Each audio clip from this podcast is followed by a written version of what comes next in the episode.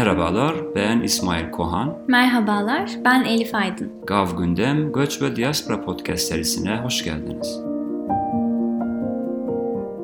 Doktor Aydoğan Aser bugün onu buraya davet etmemizin en büyük sebeplerinden birisi olan 6458 sayılı Yabancılar ve Uluslararası Koruma Kanunu'nun mimarlarından birisi. Kanunun tasarısından yürürlüğe girmesine kadar süreçte yer aldı. Daha sonra Göç İdaresi Genel Müdürlüğü'nde Yabancılar Dairesi kurucu başkanı olarak görevlendirildi. E, 2006 yılına kadar da Emniyet Genel Müdürlüğü'nde Yabancılar Hudut İltica Dairesi Başkanlığı'nda yöneticilik görevinde bulunmuştu. Bu alanda çeşitli eğitimler aldı ve eğitimler verdi. Örneğin Polis Akademisi'nde, Türkiye ve Orta Doğu Anma İdaresi Enstitüsü'nde lisans ve yüksek lisans düzeyinde eğitimler verdi. Avrupa Birliği göç müktesebatına uyum süreçlerinde çeşitli çalışmalarda yer aldı. İltica Göç Eylem Planı bunlardan birisi örneğin. Şu an hala göç alanındaki çalışmalarını devam ettirmekte ve bu alanla ilgili kitaplar yayınlamakta.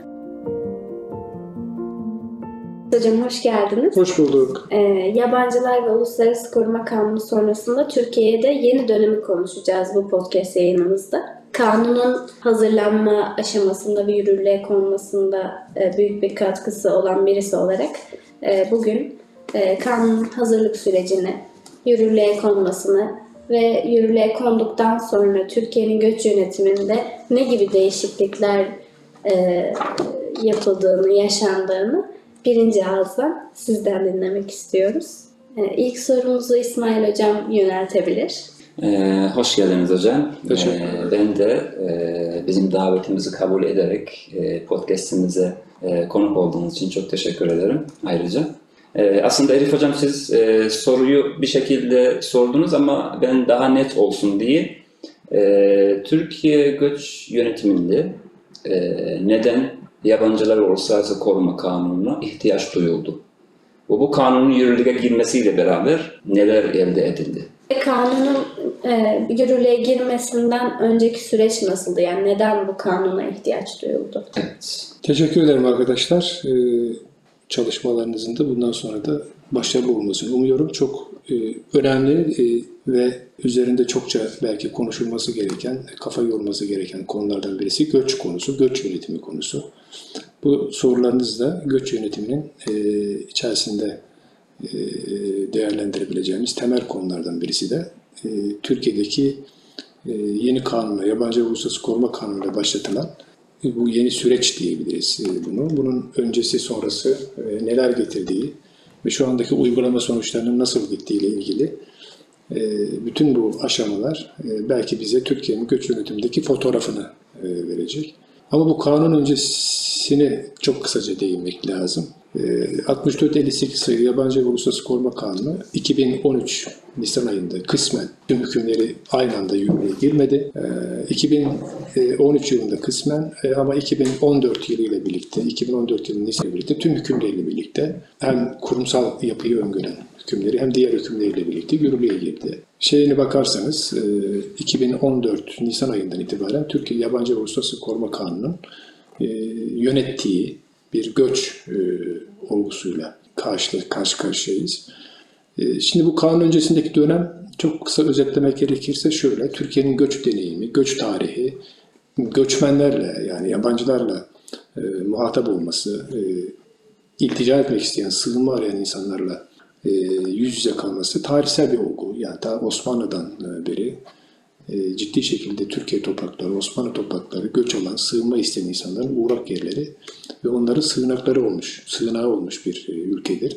Ve tarihimiz e, zor durumda kalan insanlara, merci arayan, sığınak arayan insanlara kucak açan ve onları koruyan, onları yaşam haklarını güvenceye alan, iade süreçlerinde bile, geri istendiğinde bile onları vermeyen bir şeyle, iradeyle, örnekleriyle doludur. Bunda e, çeşitli padişahların, e, çeşitli yöneticilerin, o tarihlerdeki yöneticilerin bize sığınan, Osmanlı'ya sığınan, e, bu topraklara sığınan insanların geri verilmemesiyle ilgili ciddi ultimatomlar olmuştur, ciddi demeçleri olmuştur. Çok iddialı sözleri ve uygulamaları olmuştur. Bunları bir kenara bırakalım ama esas itibariyle Türkiye'nin Cumhuriyet dönemiyle birlikte Birleşmiş Milletler ailesi içerisinde taraf olduğu uluslararası sözleşmeler dönemi başlamıştır. Bu uluslararası sözleşmelerin gereği olarak pek çok alanda olduğu gibi e, göç alanıyla da yabancı hukuku, yabancılar yönetimiyle ilgili de o sözleşmelerde yer alan e, hükümlerin e, iç hukukta e, oluşturulması, e, ara yasaların çıkartılarak e, bu konuda bir göç yönetim modeli e, anlayışı kendi Türkiye'nin öznel şartlarına dikkate alınarak oluşturulması çalışmalarına başlamıştır. E, somut olarak her ne kadar tabii ki e, 1950 öncesinde e, yasalar mevcut ise de e, 1950 e, yılının ortalarında yürürlüğe giren e, 5682 sayılı pasaport kanunu ile 5683 sayılı yani ikiz yasadır bunlar. Yabancıların Türkiye'de ikamet ve seyahatleri hakkındaki yasa bu alandaki aslında çerçeveyi belirlemiştir. Yeni yasanın 6458 sayılı yasanın yürürlüğe girmesine kadar ki olan dönemde bu yasalar uygulanmıştır. Şu anda pasaport kanunun tam ilga edildiğini söyleyemeyiz e, bir takım maddeleri yürürlükte. Ama 5683 sayılı yasa ve 6458 sayılı yasayla tümden e, mülga oldu. Dolayısıyla yeni yasanın hükümleri yabancıların Türkiye'de ikamet ve seyahatleriyle ilgili ve diğer düzenlemeyle ilgili belirleyici hükümler getirdi. Burada şöyle bir şey var yani 64-58 sayılı kanuna niye ihtiyaç duyuldu? Ben sizin sorunuzu biraz daha müsaadenize açayım. Hangi şartlar zorladı da e, buna gidildi? E, her şeyden önce şöyle bir kestirimden bir değerlendirme yapılıyor. İşte Avrupa Birliği uyum süreçlerinde bu kanun zorunluydu. Hayır bu eksik. Avrupa Birliği uyum süreçlerindeki e, çalışmalar tabii ki Türkiye'nin aday ülke olarak yükümlülükleriydi ama tek başına bu kanunun yazılmasında, bu kanunun böyle bir kanuna, böyle bir kanun uygulamasını yürütecek kuruma ihtiyaç duyulması Avrupa Birliği uyum süreçlerine bağlanamaz. Yani o faktörlerden birisidir. Ama olayı çok daha geniş perspektifle değerlendirmek gerekecek. Bir süreç olarak bunu e, görmek gerekecek. Çünkü Türkiye hem insan hakları hukuku alanında hem de yabancıların, göçmenlerin durumunu düzenleyen pek çok uluslararası sözleşmeye taraf oldu ve taraf olmaya da devam ediyor. Bunların getirmiş olduğu bir uyum şeyi var, zorunluluğu birikti. Böyle bir şey de birikti. Her ne kadar uluslararası sözleşmeler e, işte iç hukukun üzerinde bir e, bir uygulama ve uygulanma gücü bulunsa da anayasal olarak ama bunların ara yasalarla düzenlenip e, iç hukukun bir parçası haline getirmesi için e, farklı e, prosedürlere ihtiyaç var. O açıdan yeni yasanın yani 64-58 sayılı yasanın çıkarılmasında Avrupa Birliği ile ilgili durum faktörlerden birisidir. Çıkarma gerekçelerinden birisidir. Ama bunun yanında diğer uluslararası sözleşmeleri unut ben onlardan size örnekler de verebilirim. E, bir kere şurada anayasanın 16. maddesine bir gitmek lazım burada. Anayasanın 16. maddesi yabancı ile ilgili temel hak ve hürriyetlerin yabancılar bakımından milletler hukuka uygun olarak kanunla düzenlenebileceği şeklinde çok kısa ve net bir ifadedir.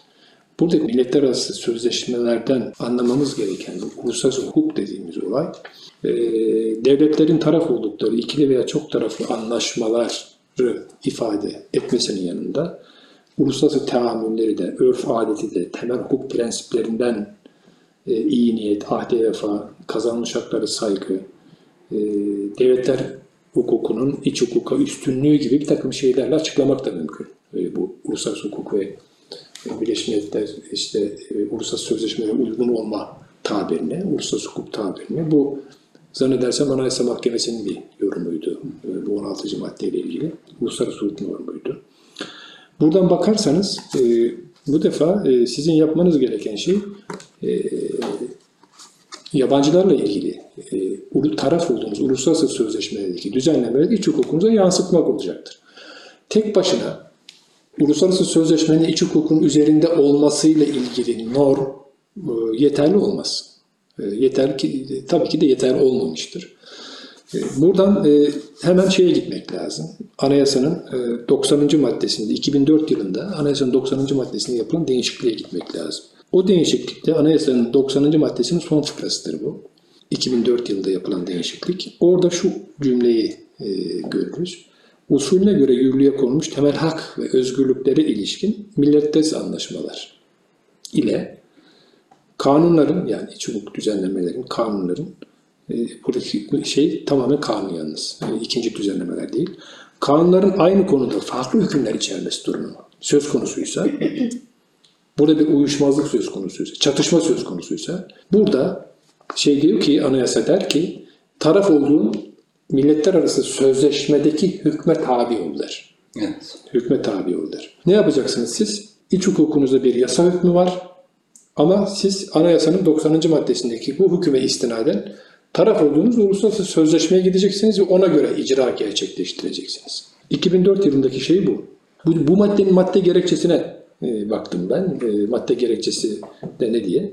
Tabii katılım ortaklığı belgesindeki Türkiye'nin taraf olduğu uluslararası sözleşmeler doğrultusunda ayrım yapmama, eşitlik e, vesaire gibi hususlara atıflar e, yapılmış. Şimdi bu düzenleme, bu yani 90. maddesiyle eklenen yeni cümlenin usulüne göre yürürlüğe konulmuş insan hakları ile ilgili uluslararası anlaşmaların ulusal yasalarla çelişme durumundaki önceliği bize gösteren bir düzenleme. Diyor ki öncelik ona gideceksin. Ama doğrudan ona gitmek, sözleşmeye gitmek takdir ederseniz ki uygulama e, sorunları yaratan bir konu. Uyum sorunları olan bir konu olur. Ne olacak? Bir arayasa lazım, bir kanun lazım, kanun uygulama yönetmelikleri lazım. O uygulama yönetmeliklerine göre çıkartılacak belki kurumların e, genelgeleri lazım, yönergeleri. Buradaki çatışma e, yorumlarına vesairesine girmek istemiyorum. E, ama yapılan burada aslında 90. maddeyle yapılan bugüne kadar e, gerçekleştirilen bu iştihadi hukukun yani uluslararası sözleşmenin iç hukukun üzerinde olduğuyla ilgili düzenlemenin e, bu düzenleme ile ilgili yorumların üstün müdür değil midir e, şeklindeki yorumların 2004 yılında yapılan bu düzenleme ile daha belirgin bir şekilde ortaya konmuş olması yani aslında iştihadın iştihadi durumun pozitifleştirilmesi olarak tarif edebileceğimiz bir e, konu olduğunu söyleyebiliriz bunun. Şimdi bunları niye e, buradan e, bunları açıklamak durumunda kaldım? Çünkü 64-58 sayılı kanunun e, yürürlüğe konulmasının e, altında bu Birleşmiş Milletler sözleşmelerinin taraf olduğumuz BM çatısı altındaki sözleşmelere uyumla ilgili bir çabanın da etkili olduğunu söyleyebiliriz. Yani her ne kadar Avrupa Birliği ile ilgili uyum süreçleri etkili olmuşsa daha önceden e, şey yaptığımız, imzaladığımız sözleşmelerin e, sözleşmeyle ilgili uyum çalışmalarının onlara uygun bir yabancı hukuku, yabancı normları oluşturmanın e, bir gayreti e, ve gerekliliği olarak da bunu görmek lazım. E, de, ne demiştik? 1986 temel yasalar 50, 50 tarihindeki 1950 tarihindeki 82 ve 83 sayılı yasaların yasalardan sonra Türkiye'nin taraf olduğu birçok sözleşme var.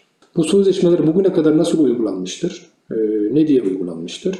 Hangi dayanaklarla uygulanmıştır? Daha çok doğrudan uygulama suretiyle gerçekleştirilmiş. Yani bunların ara yasaları yok. Bu bize ne doğuruyor? Yeni bir yasa, bunlara uygun yeni bir yasa yapılmasıyla ilgili bir zorunluluğu da ortaya çıkartıyor. Bir tanesini örnek vereyim size. Her türlü ırk ayrımcılığının kaldırılması uluslararası sözleşmesi örneğin. Mesela bu sözleşme 1972 tarihli falandır herhalde. 72-73 tarihlerinde çıkan bir sözleşme olduğunu hatırlıyorum. Bizde yürürlüğe girme tarihi 2002'dir. E 2002'den sonra bununla ilgili siz her türlü ırk ayrımcılığının kaldırılmasıyla ilgili e, duruma uygun olarak yabancıların ve vatandaşların durumunu düzenleyen bir yasanız var mı? Yok. O zaman ne oluyor? Bununla ilgili de bir uyum zorunluluğu getiren bir yasa bir kenara koymuş oluyorsunuz. Ben, evet. ben bilmediğim için soruyorum. Yani eğer e, bir iç hukukumuz olmazsa bu uluslararası sözleşmelere tabi olmamız bir anlam ifade etmiyor mu? Yani uygulanamıyor mu? Ediyor. Tabii ki ediyor. Mutlaka ediyor. Çünkü uluslararası sözleşmeler iç hukukun bir parçası haline geliyor. Ancak doğrudan sözleşmelerin iç hukukta uygulanması e, hukuk tekniği açısından sorunlu. Yani ne yapacaksınız? O sözleşmeye uygun iç hukuk düzenlemenizi, kanun düzenindeki düzenlemelerinizi yapacaksınız. Yani uluslararası sözleşmenin uygun bulma yasasıyla yürürlüğe sokulması tamam bu bir, bir şey e, zorunlu bir prosedür. Ancak o sözleşmenin hükümlerinin daha genel çerçeveyi, daha genel hükümleri belirten metinlerdir sözleşmeler. Detay içermez. Uygulama e, konularındaki e, hususları kapsamlı şekilde o metinlerde bulamazsınız. O, açısın, o açıdan her ülke sözleşmeleri doğrudan uygulamak yerine kendi hukuk anlayışına, hukuk mantığına ve hukuk tekniğine uygun o şeye sözleşmeler yasalar yapar. O yasaların da uygulama yönetmelikleriyle o şeyi, sözleşmeyi aslında e, şey yapar, e, somutlaştırır. O soyut halden somut hale getirir. E, o şekilde uygulanır. Tekniği budur. Ee, ben yine örnekler devam edelim istersen. Sonra eğer şey ise, gerekli şey hocam. açıklama olduysa. Arkasından bak temel sözleşmelerden birisidir bu. İki sözleşme olarak geçer mesela. BM sözleşmeleri içerisinde iki sözleşme olarak geçer. 1966 e, tarihlidir zannedersem. Kişisel ve siyasal haklar uluslararası sözleşmesi. Çok temel sözleşmelerden birisi. Biz ne zaman yürürlüğe soktuk bu sözleşmeyi? 2003 yılında. Ne yaptık bununla ilgili? Ne kadar yasa yaptık? Bununla ilgili, bu sözleşmeden kaynaklı yabancıların ve göçmenlerin haklarıyla ve onların durumuyla ilgili tabii ki sözleşmeye bağlı kişisel ve siyasal haklar uluslararası sözleşmesiyle ilgili olarak farklı kurumlar, farklı yasalarla bunu mutlaka uyguluyordur, şeyleri vardır. Ama yabancıların iş ve işlemler açısından, göçmenlerin iş ve işlemler açısından bu sözleşmenin iç hukuka yansıması neyle oldu? Yabancı. O arada olmadı. Yani 2003 yılında girdi ama 2003 yılından 2013-2014 yılına kadar olmadı. Demek istediğim şu. Yasanın çıkmasında yani 64-58 sayılı yasanın hazırlanmasında ve böyle bir yasaya ihtiyaç duyulmasındaki faktörlerden bahsediyorum. Taraf olduğumuz uluslararası sözleşmelerindeki e, yabancı hukukunu ilgilendiren, göçmen hukukunu ilgilendiren konuların bir yasayla düzenlenmesi ihtiyacından bahsediyorum. Genelde Avrupa Birliği'ni dayandırıp işin içerisinden e, sıyrılmadan bahsetmiyorum. O işin kolay yönü. Veyahut da eleştirel yönü. Diyor ki Avrupa Birliği normlara bir uyum süreci olmasaydı bu yasa çıkmayacaktı gibi bir e, şeyin yanlış olduğunu ortaya koymaya çalışıyorum. O fa- faktörlerden bir tanesi.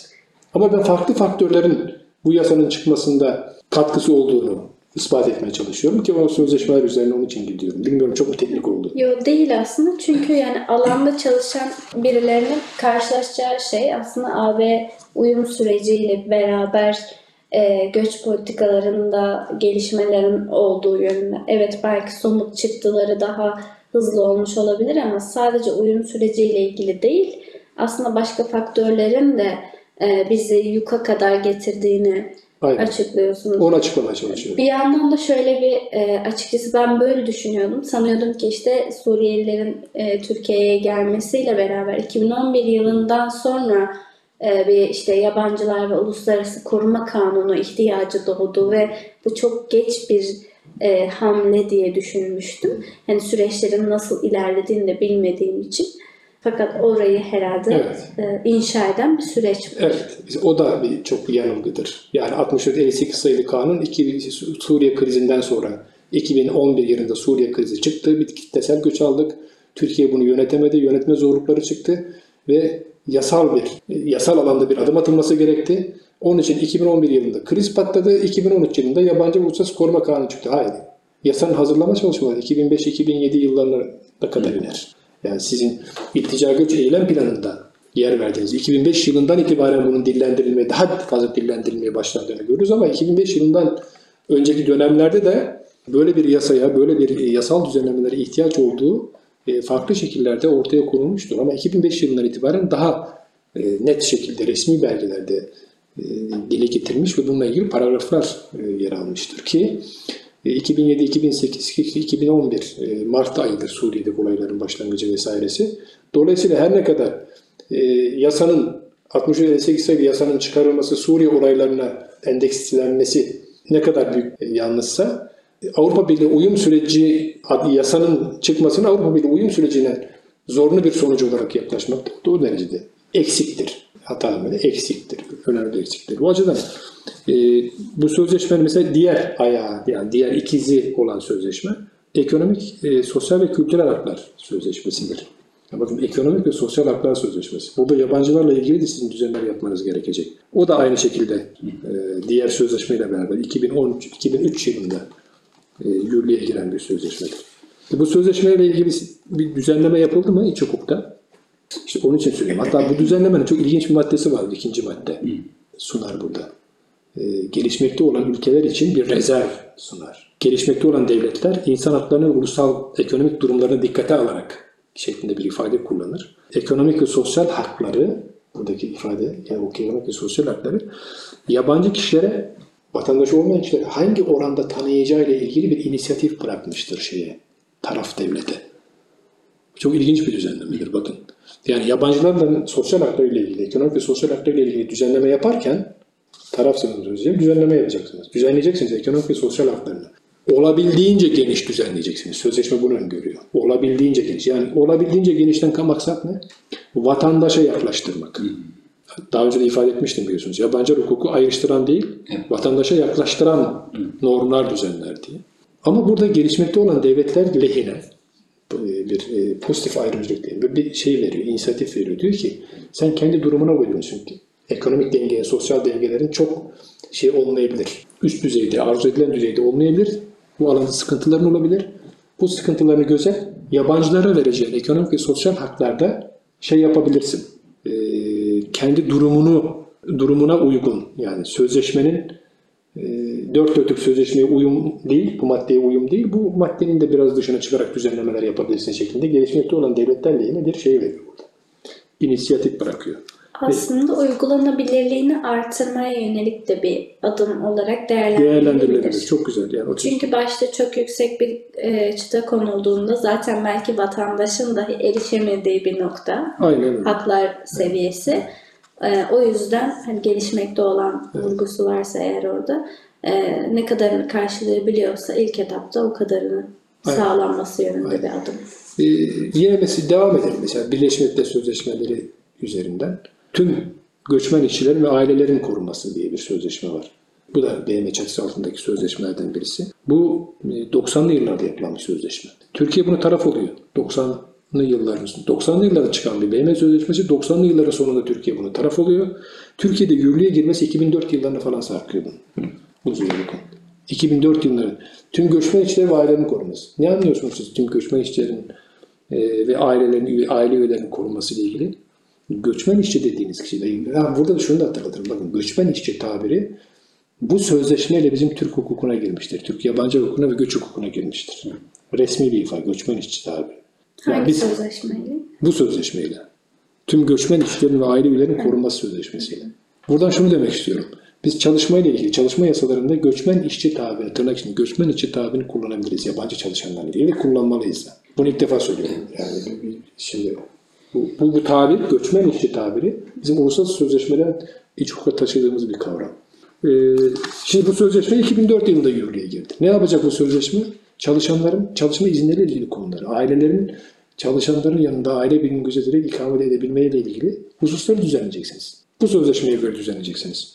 Göçmen işçiler e, burada tanımlanırken onların e, ne tür haklara sahip oldukları ve aileleriyle ilgili ne tür gelişmelerin, e, ne tür e, kolaylaştırıcı düzenlemelerin olacağını sizin yasaların içerisine katmanız gerekiyor. Ya bu uluslararası sözleşme, anayasanın 90. maddesine göre iç hukuk tamam o da diyebilirsin ama ka- şey, hukuk tekniği açısından sözleşmelerin e, iç hukukta uygulanması e, te, teamülü ve şey açısından, pratik açısından arayasaya ihtiyaç var. Bu yasalarınızı hiç sıfırdan yasa yapmadınız belki ama mevcut yasaların içerisine entegre etmeniz, gerekiyor, katmanız gerekecek. Kattınız mı? Ne kadar kattınız gibi sorular soruyorum. O zaman 64-58 sayılı yasanın yapımı öncesinde bizim bagajlı biriken şeylerimiz bunlar. Yani yeni yasal düzenleme ihtiyacını gerektiren e, o bagajdaki faktörlerden, bagajdaki şeylerden birisi, unsurlardan birisi. Uluslararası koruma dediğimiz iltica talepleriyle mülteci hukukunu düzenleyen temel sözleşme hangisidir? 1951 Cenevre Sözleşmesi'dir. Değil mi? Mültecinin hukuki durumuna ilişkin sözleşmedir tam hukuki adı. Kaç tarihlidir bu? 1951 tarihidir. Evet. Ne zaman yürürlüğe girmiştir? Birleşmiş Milletler çatısı altında 1954 yılında yürürlüğe girmiştir. 3 sene sonra. Evet. Türkiye'de ne zaman yürürlüğe girmiştir? Resmi gazetede yayınlanması Türkiye'de yürürlüğe girmesi 1968'dir. 51-68. Biraz önce bahsettiğim 5682 sayılı pasaport ve 5683 sayılı yabancı Türkiye ikamet ve seyahatler hakkında kanun. Pasaport kanunu kısmen mülga 5683 sayılı kanun, tümden mülga olan kanun. Onlar bir kilometre taşıydı Türk yabancı hukuk tarihinde 1950 yılında. Ve 2013 yılına kadar yeni yasanın şeyine kadar uygulandı ikisi de.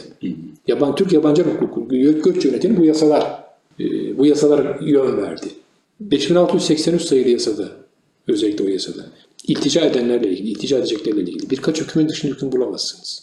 Ama şimdi yeni yasada 64-58 sayılı yasada uluslararası koruma diye uluslararası koruma diye başlı başına bir bölüm var. E siz 60 şey 1951 Cenevre Sözleşmesi'ne nasıl uyacaksınız? 1951 Cenevre Sözleşmesi'nden sonra 19 biliyorsunuz 1994 yönetmeliği vardır. Sığınmacılarla ilgili toplu, topluca sınırlarımıza gelen kişilerle ilgili 1994 yönetmeliği. Önemli bir yönetmeliktir bu. Bu da şimdi yürürlükten kaldırıldı tabii ki. Ve siz yönetmeliği, genelde yönetmelik tekniği nedir? Yönetmeliği kanunların uygulanmasını gösteren usul ve esasları belirlersiniz yönetmelik. Dayanağınız nedir? Yönetmeliği çıkarma dayanağınız yasadır. O yasanın ilgili maddesidir. Ama 94 yönetmeliği çıkarıldığında yasa olmadığı için yasa olmadığı için direkt referans kaynağı sözleşme olmuştur. 51 söz sözleşmesi olmuştur. Ya da o sözleşmeye uygun bulan o arayasa olmuştur. Ama başlı başına bir düzenleme, iltica düzenlemesi, uluslararası koruma düzenlemesi uluslararası koruma kanunu kadar yoktur. Ama bir ihtiyaç değil mi? 51 sözleşmesiyle ilgili. Ha sizin orada coğrafi çekinceniz var, şu var, bu da ayrı mesele. Ama 51 sözleşmesinin tarafı olarak sizin coğrafi çekincenize de uygun bir yasal düzenleme koymanız gerekir. İşte onu 64 sayı yasa yapmıştır.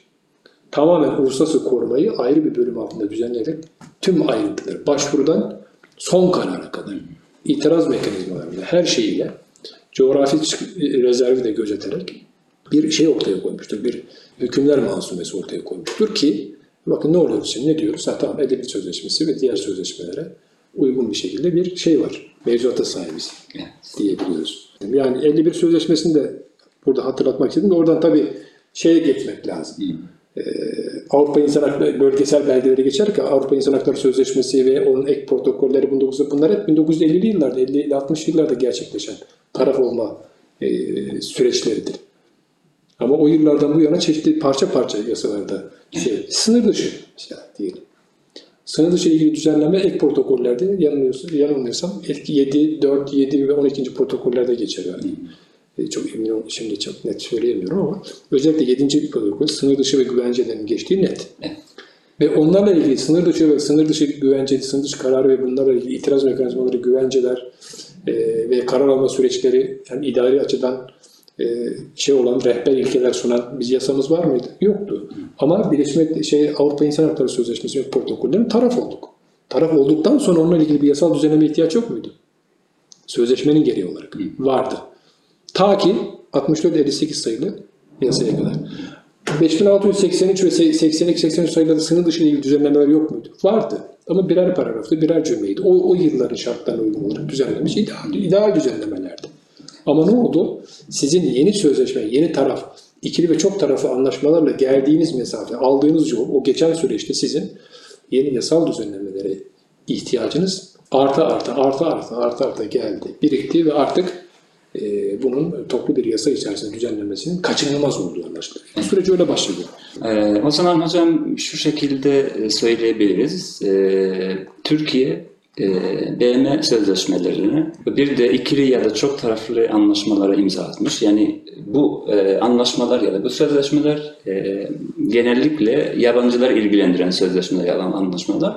E, Türkiye 2003 ya da 2004'e kadar bu sözleşmelere, bu anlaşmalara imza atmış, üye olmuş. Ama e, bunlar iç hukukun bir parçası olmasına rağmen uygulama konusunda yeni yasa ihtiyaç duyulmuş. Bu yasa da yabancılar uluslararası koruma kanunu olarak e, bu sözleşmelerin ya da bu anlaşmaların uygulanmasına bir şekilde e, zemin hazırlamış. Yani e, kolaylaştırmış. kolaylaştırmış. E, bu da aslında bir şekilde Türkiye'nin göç yönetimi konusunda e, insan hakları sözleşmelerini e, uygulama açısından bir ivme kazandığını e, şey yapabiliriz, söyleyebiliriz.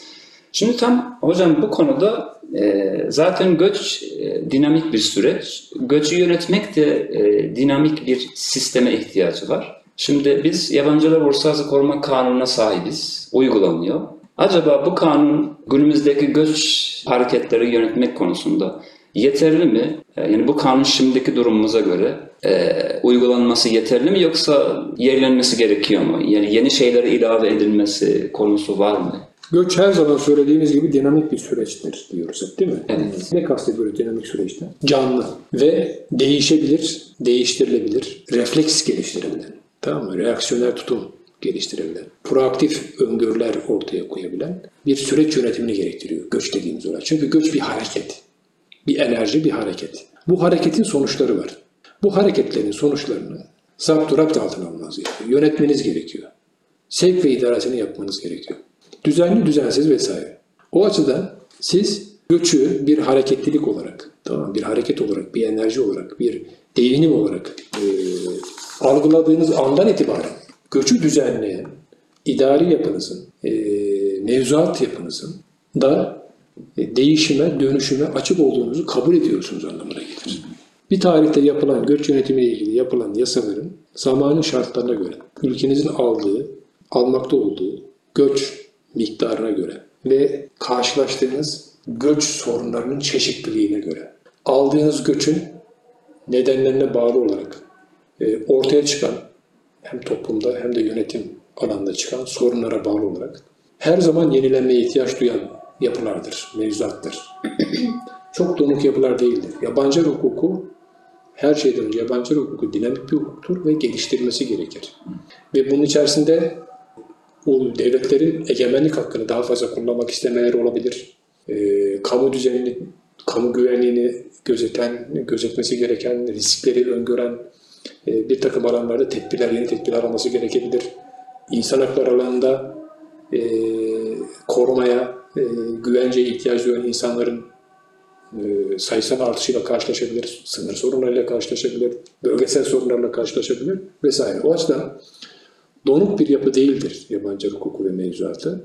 Hep geliştirilmesi gereken, e, beslenmesi gereken, güçlendirilmesi gereken bir yapıdır ki siz e, bireysel ve kitlesel olarak e, karşılaş, karşılaşacağınız e, veya karşılaşma ihtimaliniz olan durumlarda bu risk yönetimini bu kanunlar üzerinde daha iyi yapabilirsiniz. Karşılaştığınız anda da kriz yönetimini başarılı bir şekilde sürdüre, sürdürebilirsiniz. Bu yapıyı ancak e, güncellenmiş ve dinamik hale sokulmuş, getirilmiş yapılarla, mevzuatla yapabilirsiniz, birimlerle yapabilirsiniz. O açıdan yazıldı yasa gitti 2013'te kalamaz. 2013'te kalamaz. Her yeni duruma uygun olarak ihtiyaç duyulan düzenlemeler yasanın içerisine dahil edilebilir. Bu e, ortaya çıkabilir. Ha bunun e, ortaya çıkması, böyle bir ihtiyacın ortaya çıkması belki uzun yılları sari olabilir. E, ama öyle bir gelişme yaşarsınız ki e, siz o alanda bir yasal düzenleme ihtiyaç duyarsınız ve bunu yaparsınız. Ek düzenleme. Yani şunu demek istiyorum. Yasa yapıldı, bitti, orada kaldı olmaz. E, bunu idari düzenlemelerle bir noktaya kadar yapabilirsiniz. İkinci düzenlemelerle bir noktaya kadar yapabilirsiniz ama yasal düzenlemeye ihtiyacı olduğunda yani yapacağınız idari düzenlemeler ve ikinci düzenlemelerin e, yasaya uygun hale getirebilmeniz açısından yani yasaya uygun düşmeyen yerlerinde yasal düzenleme ile o alanı doldurmanız gerekecek. Burada e, ben bir soru sormak istiyorum. E, peki yabancılar uluslararası koruma kanunu hangi konuları kapsıyor ve bugün bizim hangi ihtiyaçlarımıza cevap veriyor? Ee, yabancıları ilgilendiren bütün konuları kapsıyor mu ve onların ihtiyaçlarına cevap verebiliyor mu? Biraz katmanlı bir soru oldu ama özetlemek gerekirse neleri kapsıyor, ee, hangi ihtiyaçlara cevap veriyor, ee, bu ihtiyaçları tam anlamıyla karşılayabiliyor mu? Ee, ihtiyaçlarını karşılamaya yönelik olabildiğince geniş bir çerçeve öngördüğünü söyleyebiliriz. Yani e, düzenlemelere bakarsanız e, öyle bir şey var. Zaten kanun amaç bölümünde, kapsam bölümünde de bu ifade edilmiş. Yani kapsam bölümünde e, şeyle ilgili, yabancılarla ilgili iş ve işlemleri, sınır kapılarından e, tutun, daha vize verme işlemlerinde. Aslında yabancı uluslararası koruma kanunu göç yönetimindeki en önemli unsurlarından birisi göç yönetimiyle ilgili süreci dışarıdan başlatma konusunda bir şey var, iradesi var yasa. Onun için vize konuları çok detaylı düzenlenmiş. Sınır kontrol ve yönetimiyle ilgili konular detaylı düzenlenmiş. Ondan sonra sınırdan geri çevirme ile ilgili, ülkeye kabul ile ilgili konular, belge kontrolü ile ilgili konular yeni kapsamlı düzenlenmiş. Ve dışarıdan başlatılan bir, henüz daha yabancı göçmen şey gelmeden, Türkiye'ye gelmeden dışarıdan başlayan bir sürecin şeyi var, unsurları var yasada. Hı. Oradan başlatıyorsunuz. Ondan sonra içeriye geldikten sonra da e, çalışma izinleriyle, ikamet izinleriyle ve Türkiye'de yasal kalma hakkını kaybeden, yasal kalma hakkı bulunmayan kişilerin tespit edilip bunların ülkeden çıkarılmasıyla ilgili, sınır dışı edilmesiyle ilgili süreçler çok ayrıntılı düzenlenmiş. Ve bunun yanında e, işte ülkesini terk etmek zorunda kalan, zorunlu göçte ülkesini terk edip gelen, sığınma arayan e, 1951 Cenevre Sözleşmesi kapsamında iltica talep etme gerekçesi, haklı gerekçesi bulunan insanların da uluslararası koruma altına alınması ilgili hususlar başvurudan son karara kadar yine ayrıntılı düzenlenmiş. Böyle bakarsanız e, bir göçmenin ülke dışından Türkiye'ye gelmeye niyet ettiği andan itibaren şeye giren, devreye giren ve sınırları kullanmasından, Türkiye'de kalmasından, Türkiye'de yasal statü elde etmesinden, yasal statü elde edemediyse tekrar ülkesine dönmesine e, kadar ki alan çok geniş bir çerçeve. Bu alanlara ilişkin YUK'un hep her bu konularda söylediği bir şey var. Boşluk analizi olarak değerlendirirseniz tek boşluk bulamıyorsunuz. Pek çok konuda e, o alanlarda az veya çok hep söylediği bir şey var. Yani ortaya koyduğu bir düzenleme var, ortaya koyduğu bir ülke var. E, bu açıdan bir yabancının kendi ülkesi dışındaki bir ülkeye yasal yollardan, kurallı olarak ya da yasa dışı yollardan yani düzensiz olarak, kural dışı olarak girmesi halinde yapılacak, idarenin yapacağı, görevlerini yapacağı tüm işlemler detaylandırılmış, aşamalandırılmış ve sonuçlarıyla ilgili de alınacak tedbirler öngörülmüş. Yani şey çok geniş, yelpaze çok geniş. Bu açıdan e, bir göçmenin e, şöyle bir durumla karşılaştığında ne tür bir işlem yapılacağının cevabını pek çok alanda yasada bulabiliyorsunuz. Ee, şu soru aklıma geldi. 64-58 Yabancılar ve Uluslararası Koruma Kanunu acaba yabancıları ilgilendiren tüm konuları kapsıyor mu? Yoksa bu kanunun dışında başka kanunlar da var mı? Yabancı ilgili tüm hususları e, şöyle kapsar. Şöyle düşünürsek aslında kapsamaz. Bir yabancının işte bir göçmenin Türkiye'ye geldiğinde e, işte diyelim ki öğrenim talebinde bulunan bir yabancının durumu da, taşınmaz mal edinmek isteyen, öyle bir talepte bulunan bir yabancının durumu da, durumu da. Sonra işte araç almak isteyen yabancının durumunu da, sürücü belgesi almayan yabancının durumunu da, evlenmek isteyen yabancının durumunu da, boşanmak isteyen yabancının durumunu da, düzenleyen, ölüm halinden sonraki durumunu da, cenaze nakli, bütün bu hususları düzenleyen tüm unsurlar bu yasanın içerisinde vardır diyebileceğimiz bir yasa değil. E, olamaz da zaten böyle bir şey mümkün de olamaz. Çünkü bununla ilgili ilgili yasalara gitmek gerekecek. Mesela diyelim ki taşınmaz mal, gayrimenkul alımıyla ilgili olarak tapu kanunun ilgili düzenlemelerine gitmek gerekecek. Çünkü o, o tapu ile ilgili konular düzenli özel bir yasadır. Buraya gitmek gerekecek. Oradaki düzenlemeyi bu yasanın içerisine alalım. Hukuk tekniği açısından böyle bir şey, kanun tekniği açısından böyle bir şey mümkün değil. Ve çalışma alanıyla da aynı şeyi söyleyebiliriz. Mesela çalışmayla, çalışma ilgili tüm düzenlemeler aynı. Her şey aynı yasada biriksin. O dağınık yapıdan kastedilen bu değil. Dağınık bir mevzuat yapısı mesela gerekçede vardır yasanın gerekçesinde. Bu dağınıklık bu dağınıklık değil. Yani farklı yasalarda farklı hükümlerin olması şeklinde tam o şekilde anlamamak gerekir. Bu dağınıklığı e, düzenlemelerin birbiriyle uyumsuzluğu açısından bakmak lazım, böyle değerlendirmek lazım. Ama bir göçmenin, bir yabancının sizin ülkenizde ki ulusal sözleşmelerde bu husus sıkça tekrarlanır, bir takım haklardan söz edebilmesi, bir takım haklara erişebilmesi için o ülkedeki e, konumunun, statüsünün öncelikle belirlenmesi gerekir. Eğer siz ülkede yasal bir statüde değilseniz, yani temel insan haklarından bahsetmiyorum yani e, bir takım temel haklar, sağlık gibi acil durumlar için e, gereken haklardan tabii ki kişinin statüsüne bakılmaksızın o haklara erişme hakkı vardır. Bu insan hakkının bir, insan hakları hukukunun bir gereğidir. O ayrı mesele ama siz eğer Türkiye'de ben çalışmak istiyorum diyorsanız Türkiye'de yasal statü hakkını elde etmeniz lazım. Yasal oturma hakkını elde etmeniz lazım ki çalışabilirsiniz. Ben Türkiye'de öğrenim görmek istiyorum e, uluslararası öğrenci olarak Türk okullarında eğitim alacağım diyorsanız her şeyden önce Türkiye'de bir yasal statü elde edip ondan sonra öğrenciliğinize devam edebilmeniz lazım. Bunu şey yapabiliriz, e, bu şekilde e, uzatabiliriz, e, çoğaltabiliriz örnekleri. Demek istediğim şu, yasa 64 lira yasa bir yabancının, göçmenin Türkiye'de ihtiyaç duyacağı, ilişkili olacağı alanlarla ilgili tüm hususları bir araya getirmiştir. Aklımıza gelebilen gelemeyen gibi bir şey bu şekilde bir şey koymamak lazım. Bu yanlış. Doğru değil. Yasa Türkiye gelişle ilgili, Türkiye'de yasal statü kazanmakla ilgili, e, Türkiye'de yasal olarak bulunabilmeyle ilgili çerçeveyi belirlemiştir. Ha bunun içerisinde ne vardır? Odak vizedir. Odak ikamet izindir. Odak yasal statü kazanabilme durumudur. İşte öğrenimdir, öğrenim, gayrimenkul edinmedir, araç edinmedir, şudur budur. Bütün bunlar bu yasanın etrafındaki şeylerdir, e, unsurlardır.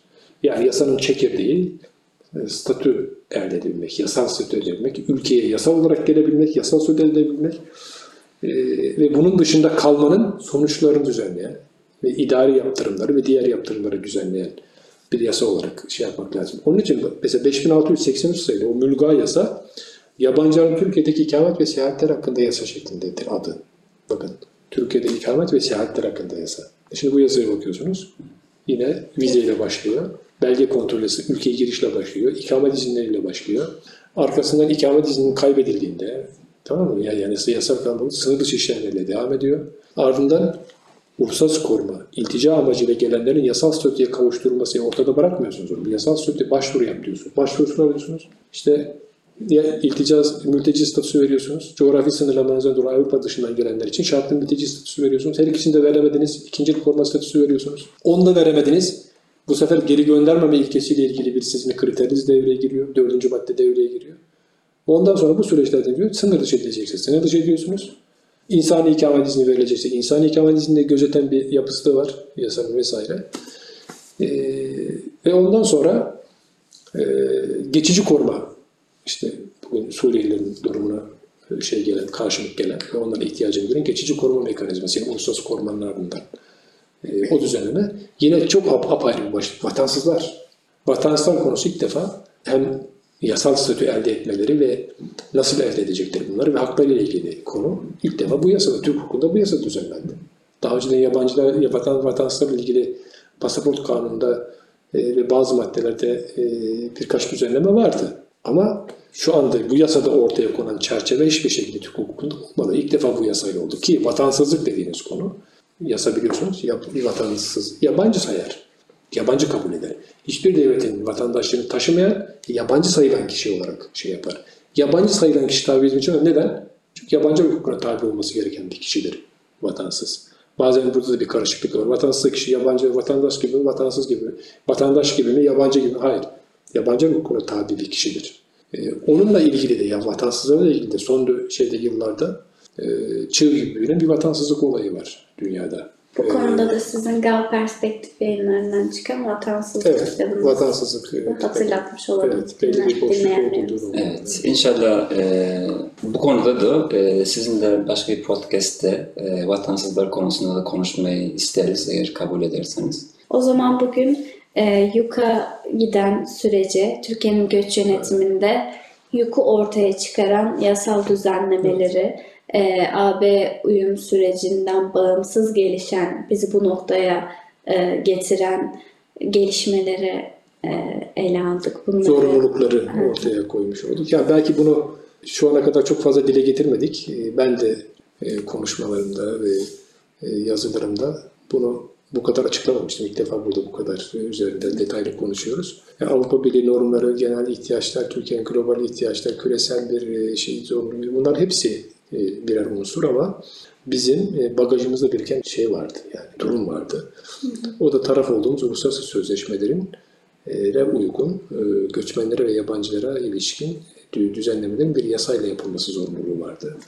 Biz 2004'e kadar geldik. 2004'te e, yani biraz önceki örnekler 2004'ten sonra da e, devam eden o 80'li yıllarda olsun, 90'lı yıllarda olsun, ondan sonra 2004'ten sonra e, şey yaptığımız mesela taraf olduğumuz, 2000'li yıllarda özellikle taraf olduğumuz e, uluslararası sözleşmeler yani değil mi? Onların hepsi e, bu sınır aşan yani Palermo Sözleşmesi olarak da bilinen sınır aşan e, suçlarla mücadele sözleşmesi ve protokolleri. Hava, kara, deniz yoluyla düzensiz göçle mücadele ve insan ticaretiyle ilgili protokol mesela, ek protokoller. Bunlarla ilgili neler yapıldı, neler edildi?